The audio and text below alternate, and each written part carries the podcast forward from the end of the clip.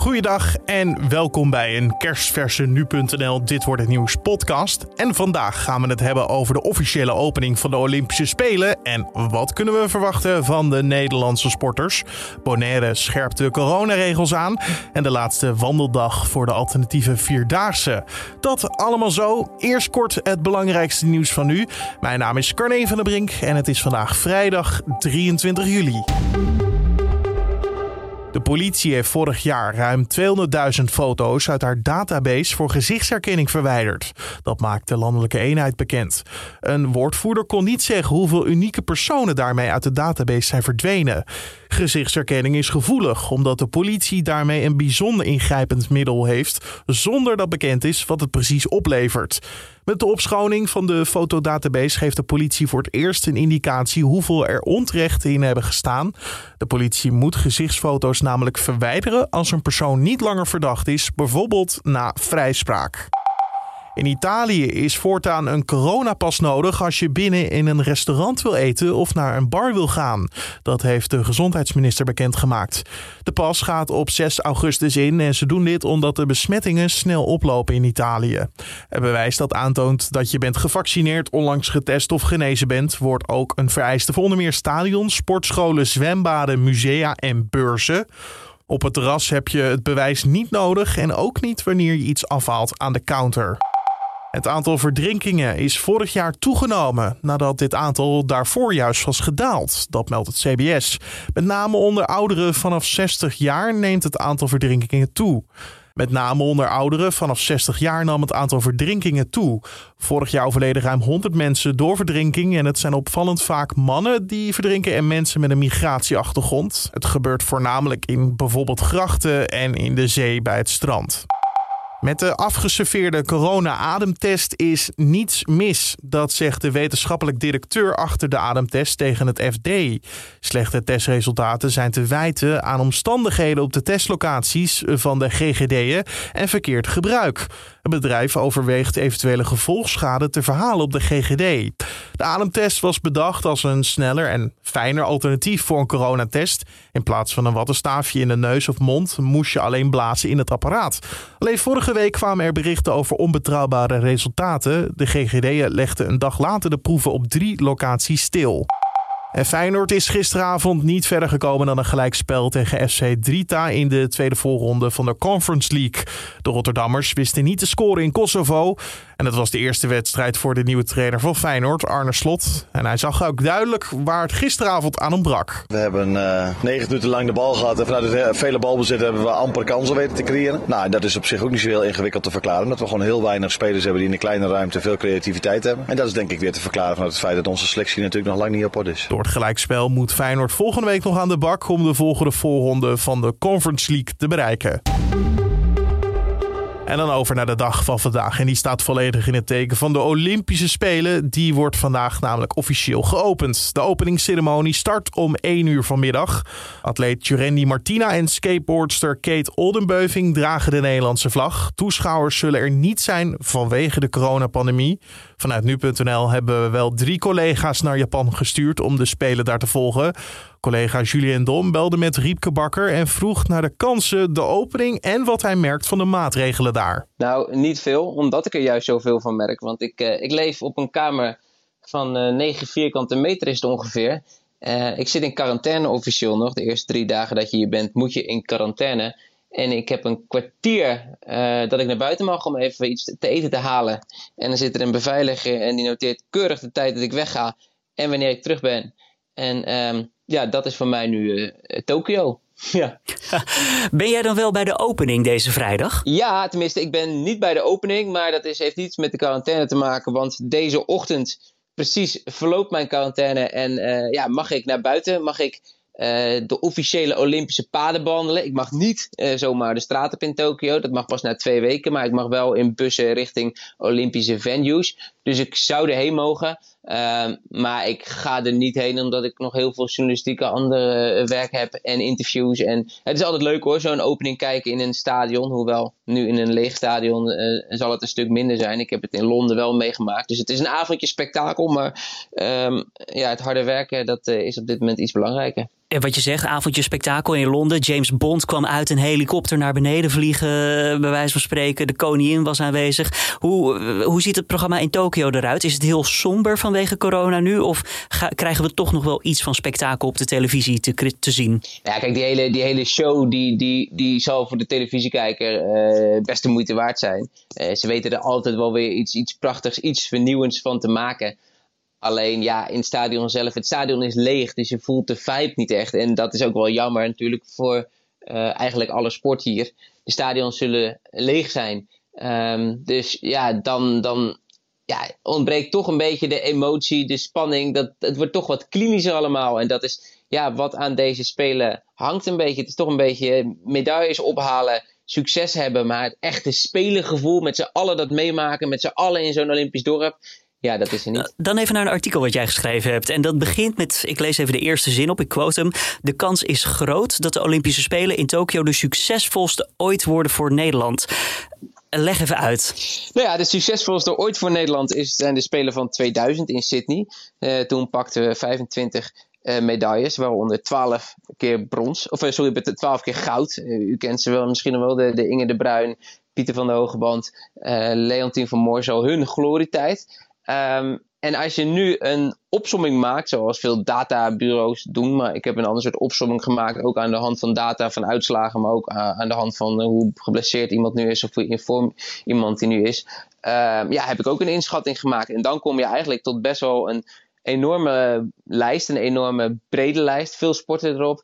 Um, ja, en uiteindelijk tot, uh, wat is het, 14 keer goud 11 keer zilver en 8 keer brons. Dat klinkt alsof het gewoon niet fout kan gaan deze zomer, toch? Ondanks corona, ondanks dat we her en der wel wat besmettingen binnen het Olympische kamp hebben. Maar dit ziet er gewoon uit als een pracht Olympische Spelen dan.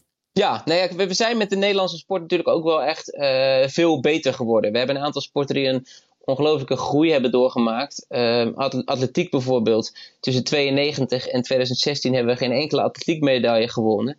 Uh, nu zou het zomaar kunnen zijn dat Sivan Hassan uh, twee keer goud pakt en Femke Bol één keer brons. Um, er zijn sporten waar wij van oudsher goed in zijn en ook op dit moment goed. Bijvoorbeeld het roeien, waar wij nooit naar kijken, maar wel tijdens de Spelen. Kun je inplannen ongeveer op vier medailles. Hetzelfde geldt voor baanwielrennen. Dat is eigenlijk ja, onze sport deze Spelen. We hebben Harry Lafrijze. Het zou zomaar kunnen dat hij drie keer goud pakt. Nou ja, als Harry Lafrijze drie keer goud pakt, dan pakt hij bijna evenveel uh, goud als de hele Nederlandse ploeg in 2004. Dus toen was het maar uh, vier keer goud in totaal. Dus ja, er zitten gewoon ontzettend veel um, zekerheidjes. Bijna zekerheid, waarvan je zegt, Kieran Badloe in het windsurfen ook, die pakt goud. Of als het helemaal misgaat, als het, dan wordt het zilver en dan is het ook echt wel een teleurstelling. We zijn gewoon een ontzettend goed sportland en beter dan ooit. Maar je zegt we zijn beter geworden, maar die andere landen dan niet? Of zijn, groeiden, die, groeiden die langzamer? Nou ja, je hebt, je hebt van origine gewoon een aantal uh, toplanden. Kijk, je weet, bijna altijd wint Amerika het, uh, het medailleklassement. Maar er is de afgelopen jaren wel een een goed topsportbeleid gevoerd, kun je zeggen. Ja, het, is wel eens, staat een beetje haaks op, op wat er uh, gezegd wordt, juist dat het kabinet zo weinig oog heeft voor de sport, ook tijdens de coronacrisis. Maar wij hebben wel een, een, een sportsysteem, het roeien bijvoorbeeld, hoeveel uh, studenten er wel niet gaan roeien die jarenlang niks met roeien hadden. Uh, ja, en dat uh, bovendrijven. Zelfs in het zwemmen hebben we tegenwoordig weer medaillekandidaten. Natuurlijk met Chrome Jojo, maar ook met Kaminga. Wat een tijdje is, is, is weg geweest. Um, en ja, zo, en, en trouwens ook wel, wat ik ook wel wil noemen nog, het vrouwenwielrennen. Daarin domineren we natuurlijk altijd. En dat zijn we eigenlijk blijven doen en is nog erger geworden. Dus zondag is de wegwedstrijd. Nee, in principe wint Anne van der Breggen. En wint Anne van der Breggen niet, dan wint uh, Annemiek van Vleuten. En anders wint Anne, Marianne Vos. Maar... De concurrentie is vanuit het binnenland. Ja, nou ja, dat, dat ze vormen samen een team. Maar het is, uh, ja, het is ongelooflijk sterk bij een aantal uh, hele, hele, hele belangrijke sporten. En ja, er zitten er een paar bij. Dus ik, ik noemde het roeien. Uh, ik noem ook het zeilen, waar we verschrikkelijk goed in zijn. Uh, ja, daar gaan we gewoon meerdere Olympische medailles mee winnen. Ja, misschien een beetje klein, een klein beetje dubbelop dan van mij deze vraag. Maar wat zijn de momenten waarop we de televisie dan echt aan moeten zetten? Ik hoor je al zeggen, het vrouwenwielrennen, roeien. Heb je een paar gouden tips? Ja, ik heb wel een paar gouden tips. Kijk, ik, ik, er zijn, uh, ja, ik zeg 14, 14 gouden medailles, maar uh, als je goud wil zien, nou ja, de wegrace voor vrouwen. Uh, zondag 25 juli begint die om 6 uur ochtends, Nederlandse tijd. Daar is de kans heel groot dat we goud gaan winnen. Maar welke ik ook wel wil noemen is uh, Sivan Hassan. Um, omdat wij natuurlijk als we zijn nooit een groot atletiekland geweest. Onze laatste gouden medaille was Ellen Verlangen in 1992. En nu is de kans levensgroot dat ze eindelijk een opvolger krijgt. Dat we atletiek historie krijgen met Sivan Hassan. En het kan op de 10.000 meter bijvoorbeeld. Zaterdag 7 augustus om kwart voor één. Zet de televisie even aan. Smiddags hè? Uh, kwart voor één smiddags inderdaad. Of uh, zou kunnen op de 1500 meter. En dat is dan vrijdag uh, 5 augustus om tien voor drie smiddags. Dus um, ja, dat zijn wel momenten uh, ja, om even bij stil te staan. En altijd de tv aanzetten als je hoort dat Harry Lafrijze gaat, uh, gaat fietsen op de baan.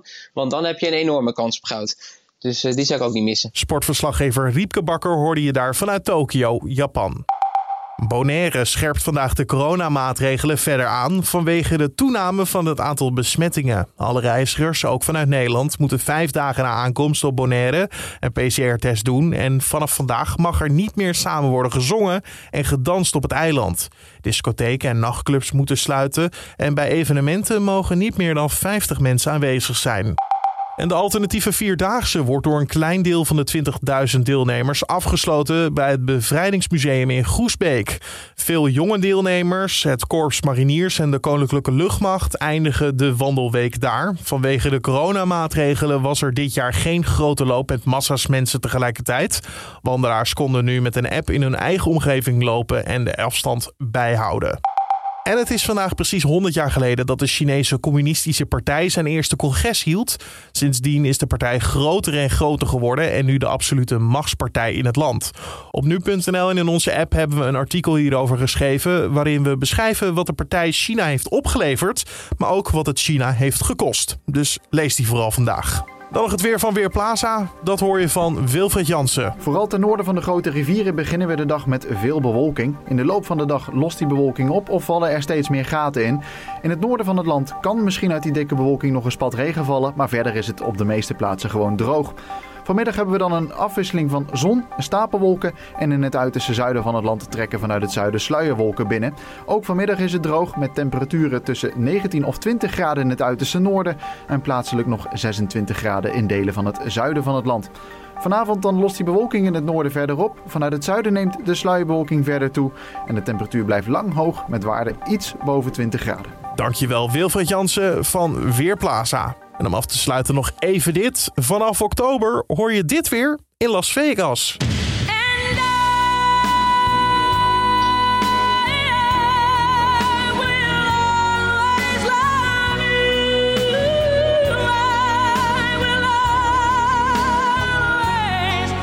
2012 overleden Whitney Houston is vanaf eind oktober weer te zien in een concertreeks daar. Alleen dan wel als hologram. De shows krijgen een vaste plek in een van de hotels in Las Vegas. In de show zijn haar eigen vocalen te horen. En die worden wel begeleid door een live band. Die zullen de grootste hits van de Amerikaanse zangeres tegen horen brengen. Het bedrijf hierachter heeft ook al een hologram van zangeres Amy Winehouse. En tot zover deze Dit Wordt Het Nieuws podcast voor de vrijdag 23 juli. Je vindt ons in de ochtend en middag op de voorpagina van nu.nl en in je favoriete podcast app. Help ons de podcast beter te maken door een mailtje te sturen naar podcast.nu.nl of laat een recensie achter bij Apple Podcast. Mijn dank is groot en mijn naam is ook gelijk Carne van der Brink. Ik wens je een hele mooie dag en alvast een heerlijk weekend. Tot de volgende!